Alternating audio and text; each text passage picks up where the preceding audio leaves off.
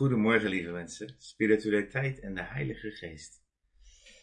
Ik moest hierbij uh, denken aan um, een. Um, het feit, Michelle had vroeger, een, uh, tot voor kort uh, voor de corona, een atelier met, waar ze ook kinderfeestjes gaf. Ze deden veel meer, maar ook kinderfeestjes. En het was wel altijd mooi, de getuigenis van die kinderfeestjes was, dat was heel vaak ging het op die kinderfeestjes, bijna elk feestje ging het wel over geesten en over geestelijke ervaringen. Die kinderen begonnen altijd over spoken, over geesten en dat soort dingen die ze ervaarden.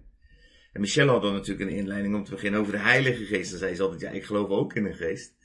En um, het is ook logisch, want bijna ieder filmpje wat gemaakt wordt voor kinderen of voor ouderen, overal is bijna wel ruimte voor het bovennatuurlijk. Het komt zoveel voor en dat is ook logisch, want een mens is een spiritueel wezen. Spiritueel betekent gewoon geestelijk. Een spiritual person is een geestelijk persoon, een geestelijke mens.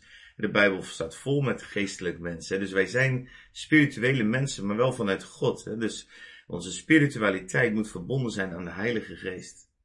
Spirit is geest. Spiritueel is dus geestelijk.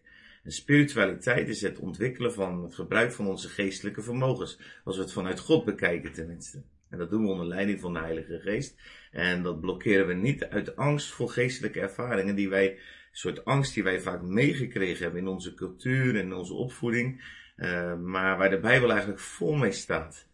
Um, wij zijn namelijk geen dode robots met uh, iets van artificial intelligence, zoals ze dat tegenwoordig zeggen, van een soort lerend vermogen. Nee, wij zijn mensen met een vermogen om onze ziel en geest te verbinden met de geestelijke wereld, om daar invloed uit te oefenen en invloed uit te ervaren. Efeze 6 vers 12 laat ons dat bijvoorbeeld zien. Er staat, wij hebben een strijd niet tegen vlees en bloed, dus niet tegen hier wat op aarde zichtbaar is, maar tegen overheden, tegen machten, tegen wereldbeheersers van de duisternis van het tijdperk, tegen de geestelijke machten van het kwaad in de hemelse gewesten. Dus er is een geestelijke realiteit, een geestelijke realiteit waar wij um, mee te maken hebben. Dus de beïnvloeding van ons leven op aarde, dat speelt zich af in die geestelijke gewesten, in de tweede hemel. Dat is een geestelijk gebied.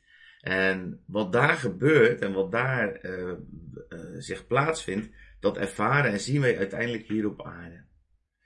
En daarom is het dus belangrijk zelfs dat wij spirituele wezens zijn, dat wij ons bewust zijn van onze connectie met die geestelijke wereld en ons daar ook naar uitstrekken om de leiding van de Heilige Geest.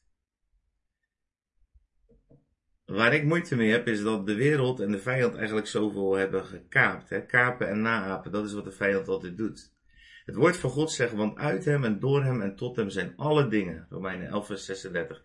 Hem zij de heerlijkheid tot in eeuwigheid. Amen. Vanuit hem en tot hem zijn alle dingen. Dus alles is uit God gekomen. Er is hier niets op deze aarde wat niet uit God is voortgekomen. Alleen het wordt of misbruikt of het wordt goed gebruikt. Dus ook in het geestelijke gebied uh, is het maar net met wie wij verbonden zijn. Maar onze geestelijke vermogens dat zouden wij zoveel terrein moeten terugveroveren van de vijand. Er is zoveel wat de vijand veroverd hebben, wat, wat wij mogen terugpakken onder leiding van de Heilige Geest. En daarin wil ik je vanmorgen uitdagen. Of je daarmee in uit wil stappen. Meer van de Heilige Geest, meer van het geestelijke bewustzijn, geestelijke zintuigen, al die dingen waar het woord van God over spreekt. Meer boven natuurlijk zien, meer boven natuurlijk ruiken, proeven, voelen, waarnemen. Nou, als je dat wil, als je met mij graag wil dat we meer terugveroveren van dat wat de vijand gestolen heeft, dan wil ik je vragen om gewoon straks aan het eind van dit filmpje je handen open te doen en het God gewoon in je eigen woorden te vragen. Gewoon in jouw eigen woorden om jou meer en meer vanuit de Heilige Geest een geestelijk mens te maken, een spiritueel wezen, dan dat wat in jou gelegd is, volledig zal functioneren. Dan gaan we met elkaar terugpakken wat de vijand heeft gestolen.